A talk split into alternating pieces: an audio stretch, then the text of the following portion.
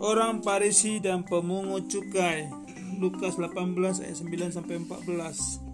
Ini orang Parisi. Dan kepada beberapa orang yang menganggap dirinya benar dan memandang rendah semua orang lain, Yesus mengatakan perempumaan ini.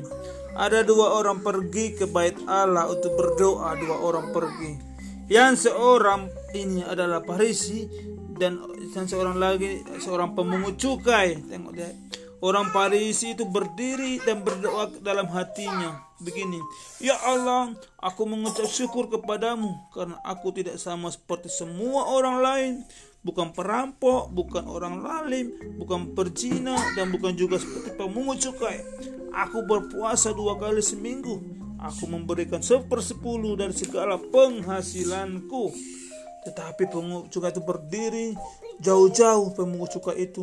Bahkan ia tidak berani menengadah ke langit, melainkan ia memukul memukul dirinya dan berkata, Ya Allah, kasihanilah aku, orang yang berdosa ini. Aku berkata kepadamu, orang ini pulang ke rumahnya sebagai orang yang dibenarkan oleh Allah. Dan orang yang orang imam itu tadi tidak, orang yang kaya itu tidak.